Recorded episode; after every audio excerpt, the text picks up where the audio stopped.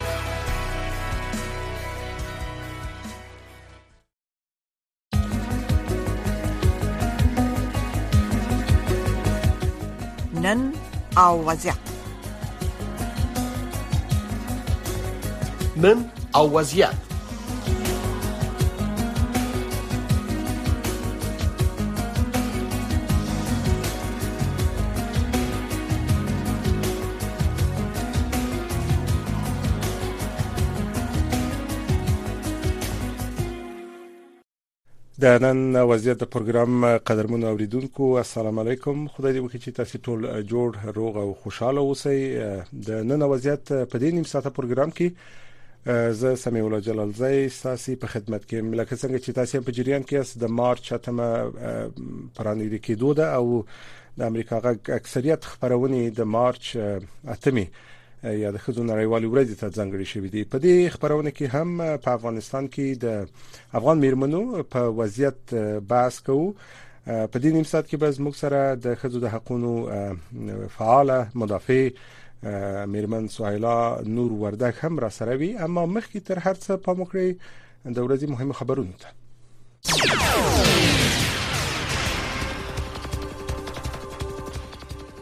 ویان احمد الله چیوال د بخښنې نړیوال سازمان د ملګرو ملتونو له غړو هیوادونو په افغانستان کې د بشري وضعیت د لا خرابېدو په وړاندې د اقدام غوښتنه کړې د جرمني خبري اژانس د ننني راپور لمخې دغه ادارې ویلي یاد هیوادونه باید ډاډمن کړي چې له هغو کسانو سره به عدالت کیږي چې د طالبانو د ناوړه چلند قرباني شوي. د بخښنې نړیوال سازمان وايي، طالبانو د ښځو د حقونو مدافعانې، اکاډمیک شخصیتونه او نور فعالان په عامه د نیوکو له کبله نیولي. د دې سازمان سرمنشي اګنیس کالامارد ویلي، ګڼ کسان چې په خپلسري ډول نیول شوي، د درملنې امکان نه دی ورته برابر شوی او له خپلو کورنیو سره د لیدلو اجازه نه ده ورکړل شوې. د طالبانو د لوړو زده کړو وزارت له اعلان سره سم، نن د افغانستان په سړو سیمو کې د پوهنتونونو دروازې یوازې د نارینه محصلانو پر مخ پرانیستل کېږي. د لوړو زده کړو وزارت ویاند حافظ ضیاءالله هاشمي په یوه ویډیويي پیغام کې ویلي، د افغانستان د اسلامي امارت د لوړو زده کړو د رهبرۍ شورا د پرېکړې مطابق به د روان کال د کب په پنځلس مه د افغانستان په سړو ولایتونو کې پوهنتونونه بیا پېل شي. د لوړو زده کړو ویاند په دغه ویډیويي پیغام کې چې پرون یې رسنیو ته استولی، که څه هم د ټولو محصلانو خبره کوي، خو د محصلو نجونو برخلیک تر اوسه نه دی روښانه. معترضو مېرمنو ویلي چې نړیوالې ټولنې افغانستان کې د ښځو له خوځښتونو عملي ملاتړ نه دی کړی، سره له دې چې په افغانستان کې د ښځو اعتراضونه او لاریونونه د ښځو په وړاندې د طالبانو په لیدلوري او دریځ کومه اغېزه نه ده کړې، خو دغه اعتراضونه او مظاهرې له تېر یو کال راهیسې په بېلابېلو بڼو دوام لري. د ښځو د حقونو یو شمېر افغان فعالان ادعا کوي چې د نړیوالې ټولنې غیر عملي او پڅ غبرګون د دې لامل شوی چې د طالبانو د ښځو ضد کړنو پر وړاندې د دوی اعتراضونه او عدالت غوښتنه پایله ورنه کړي. دغه ښځو ویلي، په افغانستان کې د ښځو د حقونو د ټینګښت لپاره د نړیوالې ټولنې او د بشري حقونو د بنسټونو ملاتړ یوازې په کلماتو، اعلامیو، خواشینۍ او ټویټونو خپرولو پورې محدود پاتې شوی. د ترکیې پولیسو د افغان پناه غوښتونکو یوه بېړۍ خپل ساحل ته وړې. دغه بېړۍ دوه ورځې د ترکیې او یونان ترمنځ په اوبو کې ایساره وه. د ترکیې رسنیو نن راپور ورکړ چې د دغه هېواد پولیسو شپېته افغان پناه غوښتونکي چې شل تنه یې کوچنیان دي، له لالهانده حالته ژغورلي او خپلې خاورې ته یې راوستي. د دغو پناه غوښتونکو ویډیوګانې خپرې شوې وې چې د مرستې چغې یې وهلې او ویل یې د ترکیې او یونان ترمنځ په اوبو کې بند پاتې دي. له امریکا غږ څخه خبرونو ته دوام ورکوو، چارواکي وايي چې د بلوچستان په سیوۍ سیمه کې په یوه برید کې د پولیسو لږ تر لږه نهه سرتېري وژل شوي او نهه نور یې ټپیان دي. د سیوۍ مرستیال کمېشنر علي شاه عباسي د دې ښار په سیول روغتون کې خبریالانو ته ویلي، چې د پولیس کانسټیبلري سرتیري د مارچ پر شپږمه نېټه له سیوۍ څخه کوټې ته په لار ول چې ورباندې چاودنه وشوه. نوموړي زیاته کړې چې په برید کې نهه پولیس وسله وال وژل شوي. د اوکراین ولسمشر ولادیمیر زیلینسکي ومنله چې د دغه هیواد په ختیځ دونباس سیمه کې روانه جګړه دردونکي او ننګونکي ده. روسي ځواکونه هڅه کوي بخموت ښار چې په تیرو څو میاشتو کې د روسیې د توپونو په ډزو زیات ویجاړ شوی، کلابند کړي. زیلینسکي پرون ناوخته په خپله ورځنۍ ویډیو کې وویل، دی غواړي په دونباس سیمه کې جنګېدونکو سرتېرو د زړورتیا، پیاوړتیا او مبارزې ځانګړې قدرداني وکړي. هغه په دې سیمه کې روانه جګړه تر ټولو سخته، دردونکي او پېچلې وبلله. د بنګله دېش حکومت د روهینګا مسلمانانو په یوه پنډغالي کې د اور لګېدنې خبر ورکړی. په دې اړه زما همکار راپور راکوي. د بنگله دیش په جنوب کې د روهینګیا مسلمانانو په ګڼ مېشت کمپ کې پراخ اور ولګید چې پرون یک شنبه یې په زرګونو کډوال بې سرپناه کړل دوروژنې و چارواکي امداد الحق ویلي په دې اورلګیدنه کې لا د مرګ ژوبلې راپورونه نه دي ورکړ شوي په بنگله دیش کې د کډوالو په چارو کې د ملګرو ملتونو لوی کمشنري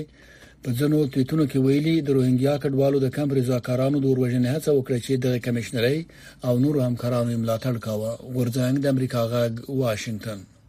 د اردن باچا عبدالله د امریکا د متحده ایالتونو د دفاع وزیر لویډ اسټین سره د کتنې پر مهال ویلي چې اردن د سوریې پر پوله د مخدره موادو د قاچاق وړونکو په وړاندې د مبارزې لپاره مرستې ته اړ دی. د اردن پاچا پرون په عمان کې له اسټین سره په کتنه کې د سوریې په جنوب کې د ایران له ملاتړه د برخمنو ملیشو د حضور په اړه د خپل هیواد پر اندیښنو خبرې کړي. تمه کیږي د امریکا دفاع وزیر له دغه ځایه اسراییل ته سفر وکړي. دا و د دې ساعت خبرونه چې تاسو ته مو په واشنګټن کې د امریکا غږ له سټوډیو وړاندې کړل. د ښځو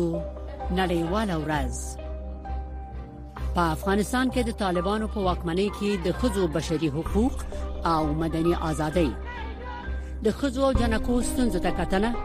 د مبارزو افغانو میرمنو هڅې او د خزو د حقوقو په حق له ځانګړي مرکه د خزو په نړیواله ورځ د مارچ په اتمه په رادیو تلویزیون سپوږمکۍ او ټولنیزو رسنیو کې د امریکا غږ دغه ځانګړي خبرونه مه هیروئ د نن وضعیت د پروګرام قدرمن اوریدونکو لکه څنګه چې تاسو په فایل کې هم واوریدل د امریکا غږ د څو ورځو خبرونې د خزو نړیوالې ورځې یا د مارچ اتمې ته ځنګړې شوې دي زموږ همکار اکرام شینواری له کابل یو راپور لري او غواړم دا راپور تاسو ته وړاندې کړم په راپور کې ویل شوی په داسې حال کې چې په پوهنتونونو کې د ژمي د رخصتۍ وروسته زده کړې بیرته پیل شوې د خزو یا انجونو د حقونو یو شمیر فعالان وایي چې د مارچ اتمې ورځې په درشل کې په افغانستان کې پر خزو باندې د طالبانو د حکومت د بندیزونو په دوام دوی اندېښمن دي دغه میرمنې وایي چې د نړیوالې ټولنې په ګډون هیڅوک د افغان میرمنو غږ نه اوري په دې اړه زموږ د همکار اکرام شینواری د راپور ته پام وکړي د کابل په ګډون د افغانستان په یو شمېر سړو سیمو کې د دوشنبې په ورځ په پانتونونو او د لوړو زده کړو په موسسو کې د ژمنیو رخصتیو پای ته رسیدو وروسته بیرته د زده کړو بهیر پیل شو خو د طالبانو د حکومت د لوړو زده کړو وزارت د پرېکړې له مخې یوازې هلکان پوهنتونونو او د لوړو زده کړو موسسو ته د تګ اجازه لري. د طالبانو حکومت د تېر دوه زره دویشت میلادي کال په وروستۍ اونۍ کې پوهنتونونو ته امر وکړ چې تر بلې خبرتیا پورې دې ښځینه محصلینو ته د زده کړو اجازه ورنه کړي. طالبانو د دوه زره یوویشت میلادي کال د اګست په میاشت کې واک ته د بیا رسېدو وروسته نجونو ته یوازې تر شپږم ټولګي پورې په ښوونځیو کې د زده کړو اجازه ورکړې ده. د سیلۍ په نوم یو محصلې امریکا غږ ته وویل چې د طالبانو د حکومت دغې پرېکړې د ښه ژوند او راتلونکي لپاره ټولې هیلې په ناهیلۍ بدلې کړې دي. اوسمهال په افغانستان کې نجونې او مېرمنې له ګڼو ستونزو سره مخ دي. دوی د نوي نظام په راتګ سره له زده کړو، له کار او همداسې د ژوند له ډېری حقونو څخه بې برخې شوې دي. دوی مخکې که مبارزه کوله،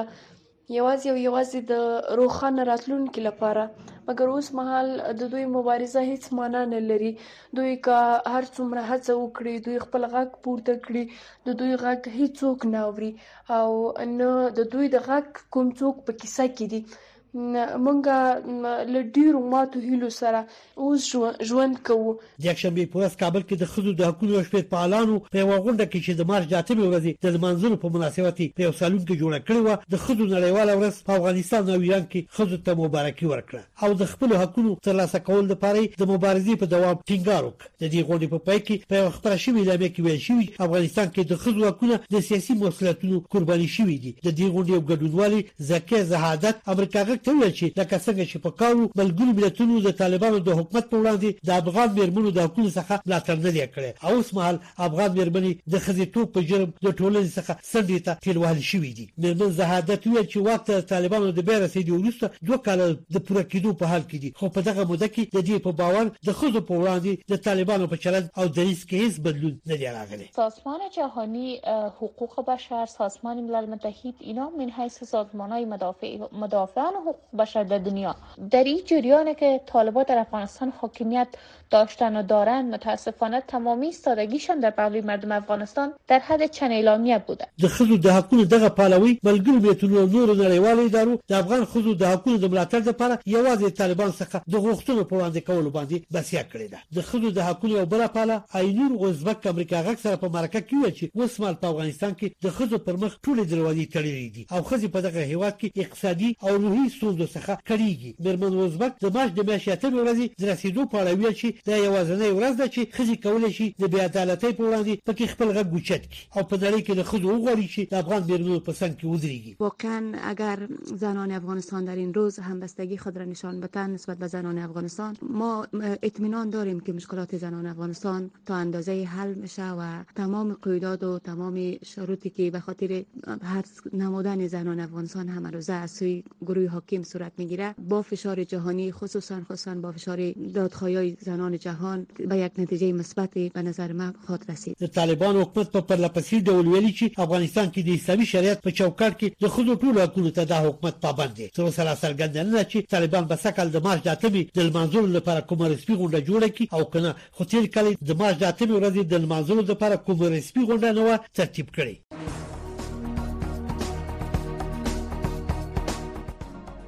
نن او وضعیت نن او وضعیت د نړۍ سیمې او افغانستان پر روانو چارو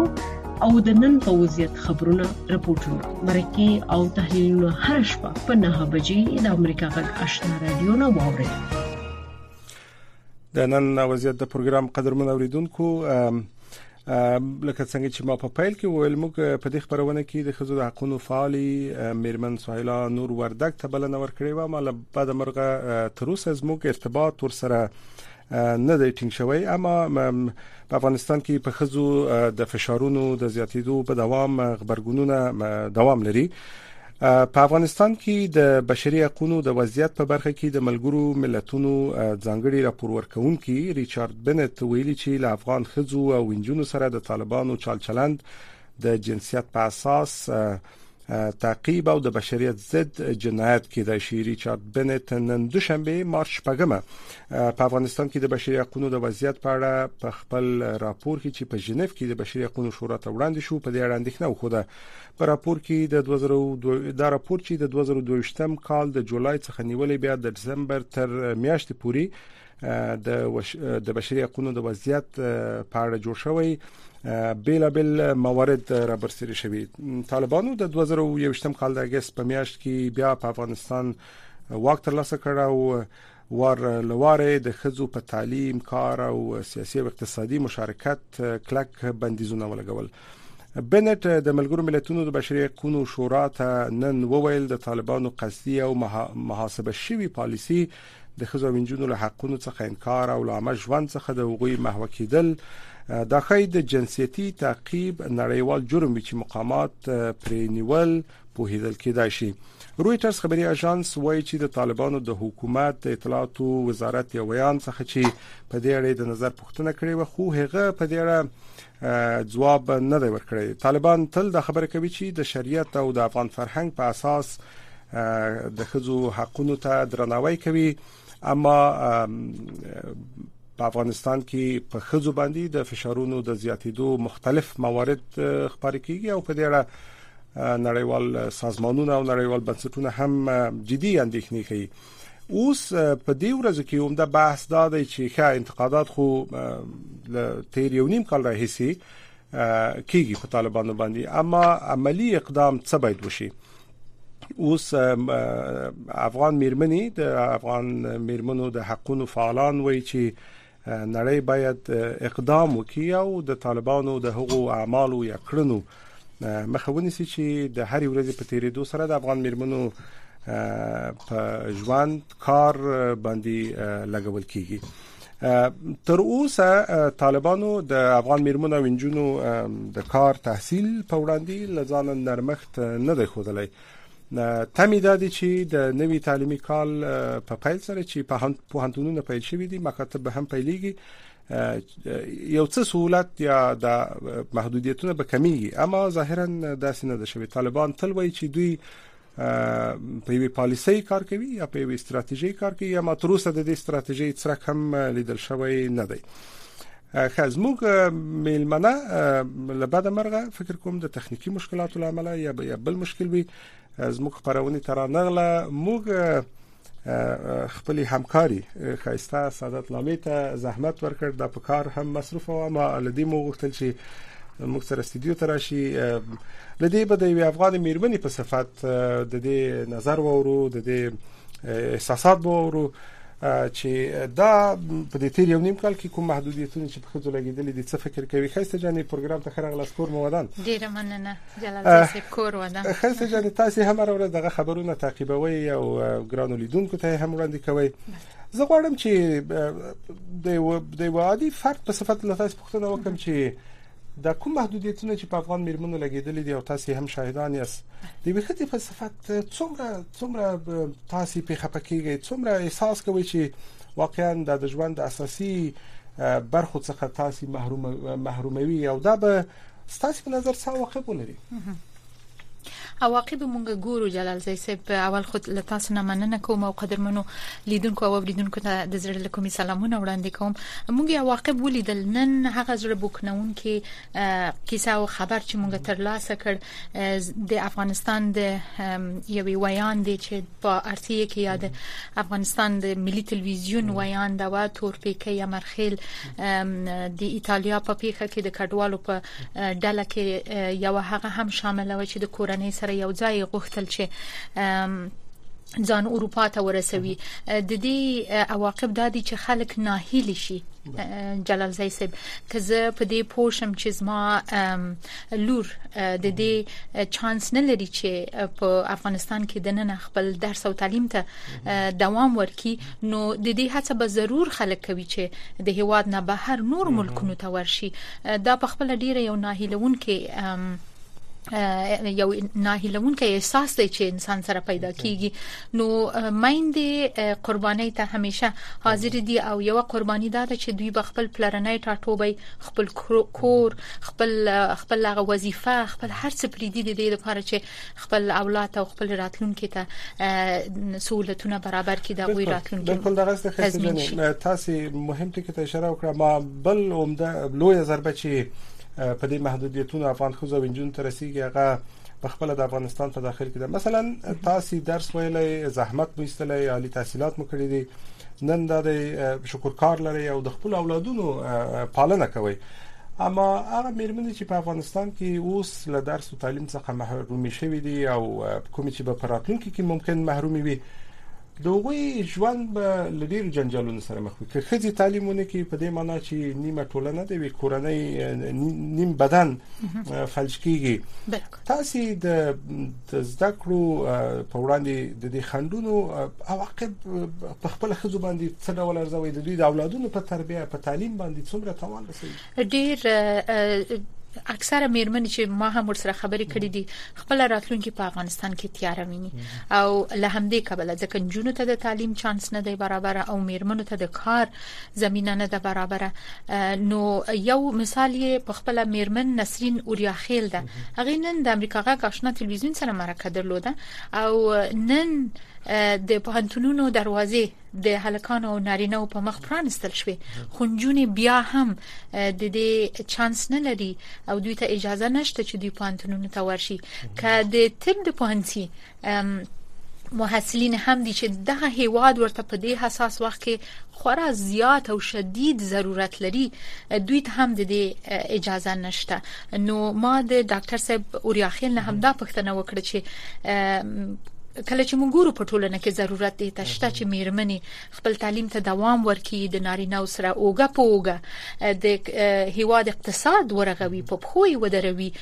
موږ ګورو چې د افغانستان اقتصادي وضعیت هم خورا ویجاړ دی خو د دې نه پرته چې دوی ته د دې کار او هغه زمينه نه ده برابر بلکې د تحصیل او د تعلیم چې دوی وکړی شي پاینده کې ځان ورسوي هم لارې ورته بندې شوې دي نو میرمن اوریاخیل دا مسله خورا د ناهیلۍ او ناامیدۍ نه ډکه وبلله او په نړیوالي ټولنې باندې خاص غږ وکړ چې په دې برخه کې د د افغان میرمنو او جنو ناورین ته توجه وکړي کسه جانې لکه څنګه چې تاسو وویل په دې محدودیتونو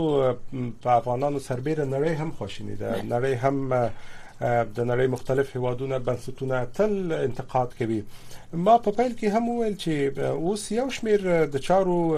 یا د ښځو د حقونو فعالین په دې نظر دي چې باید جدي اقدامات وشي او د طالبانو د دغو فشارونو مخه ونیول شي دا به بل بحث دا به پریږدو چې هغه مسلکي کسان بحث وکړي اوس خو محدودیتونه سته اما موږ تاسو په افغانستان کې وینو چې ځینې انجونی او میرمنې په یو شکل نه په یو شکل خپل زده کړې کوي مثلا واړه کورسونه جوړ کړي دي یا په خپل کور کې د خپل فامیل سره درس وایي دغه هڅې ستاسو په نظر څومره مهمه دي هدف مې دا دی چې تاسو یو پیغام ورکړئ چې که مکتبونه نه وي یا پانتونونه تړل شوي اما د دې زده کړو لپاره هڅې هم مرسته کولای شي کنه نو څه غواړي تاسو له افغان انجونو خصوصا د مکتب له شاګردانو څخه چې دوی د خپل هڅې باید جاری وساتي ترڅو حد اقل یو څه خو زده کړي بالکل تاسو خبره بالکل پر ځای ده ما غستاسو خبره زه بیا هم تکراروم او هغه دا چې د طالبانو په تیری دورې کې لومړی دورې کې هم کله چې نجونې د تعلیم نه منع شي وي ډیر زیات شمیر میرمنو دا مسولیت په غاړه واخیست چې د هیواد راتلونکي نسل د لپاره باید زیار وباسي او دوی ته په خپل کورونو کې پټ ښوونځي برابر کړي وو یا کلاسونه یې ورکول کتابونو ته لاسرسی او داسې نور مرستې یو بل سره کېدلې زه مطمئنه یم چې هماغه هڅې اوس هم دوام لري او اوس هم کیږي نړۍ اوس په یو کلی باندې بدله شوې ده د انټرنیټ او د ټکنالوژي په پرمختګ خلک کولای شي خو دا به رسمي تعلیم او زده کړې نه وي دوی به په غیر رسمي توګه خپل تعلیم ته خپل زده کړو ته په یو شکل نه یا یو بل شکل دوام ورکړي زمونږ د همکارانو نه زموږ همکار نوم نه اخلم خو د یو خور په هغه وخت کې د طالبانو په لومړی دورې کې په خونځي کې و او د ما ته کیسه وکړه چې ما به په بایسکل باندې هغه هر ورځ د هغماغي میرمنې سره چې د دوی سره مرسته کوله هغه میرمنې کور ته وړله هلته به غي خپل کلاسونه ترلاسه کړل بیا به بیرته دای ورغی او د غزاینه به بیرته کور ته راوسته نو زه مطمئنه یم دغه سی هڅه به اوس هم دوام ولري د کارپوهانو خبره تاسو وکړه نن د نن ورځې مهم تر ټولو لوی خبر دا دی چې ریچارډ بنت چې یو مهم چارواکي دی افغانستان ته سفر کړی دی هغه په خپل وروستي خبرپاڼه کې ویلي دی چې د طالبانو دغه اوسنی کړوړه باید د بشر په وړاندې د جنایت په شکل د تو کتنه وشي نو دا هم مهم خبر دی چې نړیوال اروپا ورو اوس ګوري چې د وخت په تیریدو هم طالبان نه یوازې دا چې بهتره شوی نه دي طالبان 2.0 ځینی خلک بولی وای نه یوازې دا چې په تغییر نه دراغلی بلکې د پخوانه لا نور هم بندیزونه زیات شوی دي که څه جن په دې مورد کې ماته اوس یو سوال پیدا شو اوس خدای محدودیتونه وځ دي اما یو تفاوت چې زه احساس کوم او ټول په دې نظر دي د طالبانو د لومړی دورې او د اوسنۍ دورې په پرتله غدا دي چې اوس نه یوازې چې په نړۍ کې خلک یوشتم قرن دی د خلکو از اسهان روخانه دي بلکې په افغانستان کې هم تیر شل کاله د افغان د افغانستان لپاره یو ډیر ښه فرصت وو سره د دې چې موږ مشکلات درلودل اما په دې ترڅ کې خلکو تحصیلات وکړل مکتبونه او افغانستان د نړۍ سره یو سیال هیواد وو فکر کوي چې دا ځل به طالبان وتوانیږي چې خپل دغه افکار دغه خپل پالیسي په خلکو باندې عملي کړي نه زه د احساس کوم چې دا ځل افغانان نه تسلیمېږي د محدودیتونو ته د فشارونو ته سره د دې چې د فشارونو اوس موجود دي اما مبارزه روانې دي موږ تاسو نه یوازې په خپل افغانستان بلکې د افغانستان بهر هم د اوس مثلا په جرمني کې څلور ورځې مارچ یا مظاهره پیل شوې ده چې د برلین ښار څخه تر بروکسل پورې به دا تر سره کیږي نو دغه مبارزه به بل اخر نتیجه ورکوي او او فکر نه کوي چې اوس 1990 او 2001 کال نه دی امدا سه د لکه څنګه چې تاسو ویل افغانستان شل کاله دیموکراسي ازادي تجربه کړې ده خلکو تعلیم کړی دی خلک رسیدلی دي خلکو زحمت ایستلی دی د خلکو سترګې رڼا شوې دي چې د ژوند ارزښتونه څه دي د ژوند ارزښت په ازادۍ کې دی د ژوند ارزښت په تعلیم کې دی د خځو په حقونو کې دی د بشر بشریت د په احترام کې د انسانانو ارزښت نغښتې دی نو دوی دا ټول تجربه کړی دی او دا سه به هم په اساني نه تسلیميږي بالکل دغه څه ک ک د چارو کارپوهان وایي او او د هیوادونو چارواکي وایي چې ک طالبان خپل دغه فشارونو ته همداسې دوام ورکړي نو ممکن د دوی د نظام د بقا لپاره جدي تهدیدات وي ښه دا خو بل بحث دی موږ به پریزو هغه څوک چې صاحب نظران دی هغه په دې بحث کې خسته جانې د امریکا غږ د دې ورځو پروګرامونه زه متوجه یم چې اکثریت په افغانستان کې د خزو په وړاندې فشارونه او بندیزونه او محدودیتونه ته ځانګړي شوی دي څه دي پروګرامونه د امریکا غږ کلیک وضاحت ورکړي بالکل موږ د مارچ د میاشتې د پایل نه راهیسې د خزو په تړاو ځانګړي رپورټونه خاصه مرکه او همدارنګه خبرونه برابر کړي دي نه دا چې موږ به خبري خبرونه ولرو بلکې د دې ترڅنګ مو د ډیرو نومیالیو خځو سره د نامتو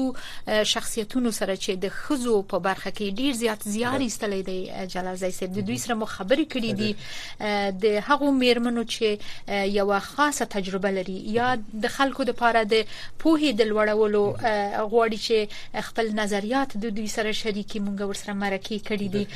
نو د دغه خاصو خپرونو لیدو ته دې زموږ قدرمن لیدونکي چمتو اوسي او موږ دې یوازې نه پریږدي ځکه موږ دا خپرونې او دا مرکې او دا رپورټونه د دوی لپاره جوړوو تاسو لپاره یې جوړوو نو هیله هم ده چې موږ سره دوی مل اوسي او دا خپرونې وګوري ځکه دا نه یوازې د خزو لپاره بلکې د افغانستان د راتلونکو لپاره زه فکر کوم مهمه میاشته او د افغانستان هر لوستی وګړی باید په دې برخه کې خپل مسولیت ادا کړي خپل د خپل ذهن هغه روحانه ذهن نظر د نور سره شریکي او دغه تاریخ حقیقت نړیوالو ته نور ته بیان کړي چې په افغانستان کې جونې تعلیم نشي کولای میرمنې کار ته نشي تللی او دا هغه بنیادی حق دی چې د ټولنې هر وګړی باید ولري بالکل خسته جانې مننه زه فکر کوم زموږ د پروګرام وخت هم کرا کرا مخ په ختمېدو دی لته سي ډیره زیاته مننه کوم چې راغله استودیو ته او سره مو